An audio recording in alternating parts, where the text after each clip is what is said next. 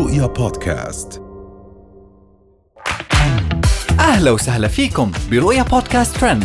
كل إشي بتحتاجوا تعرفوه عن آخر أخبار النجوم والمشاهير وأهم ترند صدر لهذا الأسبوع.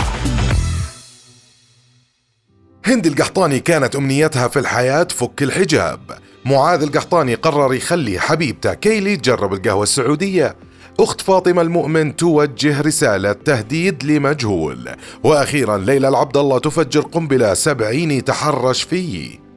تداول رواد مواقع التواصل الاجتماعي في السعودية والخليج مقطع فيديو جديد لمشهورة ال social media الهاربة هند القحطاني. وهي تسولف عن أمنيتها الكبيرة اللي كانت تتمناها من يوم ما كانت في السعودية.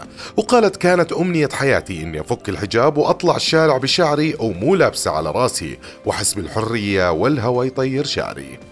وكثير من الانتقادات والهجوم اللي صار على هند القحطاني بعد هالفيديو. بسبب كلامها اللي اعتبروه مش منطقي وتحريض منها للبنات الصغار على أنهم يتابعونها. ومن هند القحطاني وقصصها راح نروح لولدها معاذ. حرص معاذ القحطاني ولد مشهورة ال social media هند القحطاني على جعل صديقته الأمريكية تتذوق القهوة العربية لأول مرة في حياتها. وقدم معاذ كوب صغير من القهوة لصديقته كيلي وقال لها هاي هي القهوة السعودية. وهي ما هي المرة الأولى اللي تجرب فيها شيء سعودي.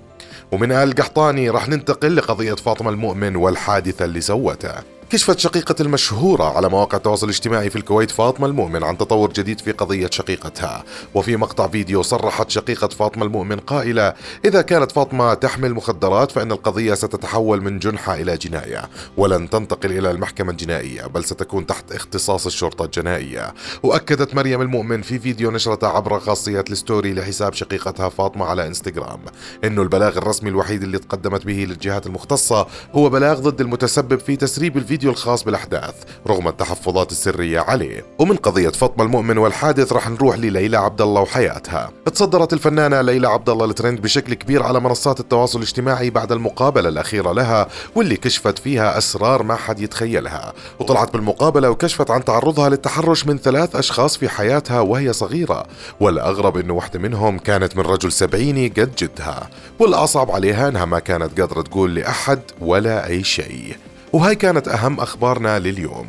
بنشوفكم الحلقة الجاي.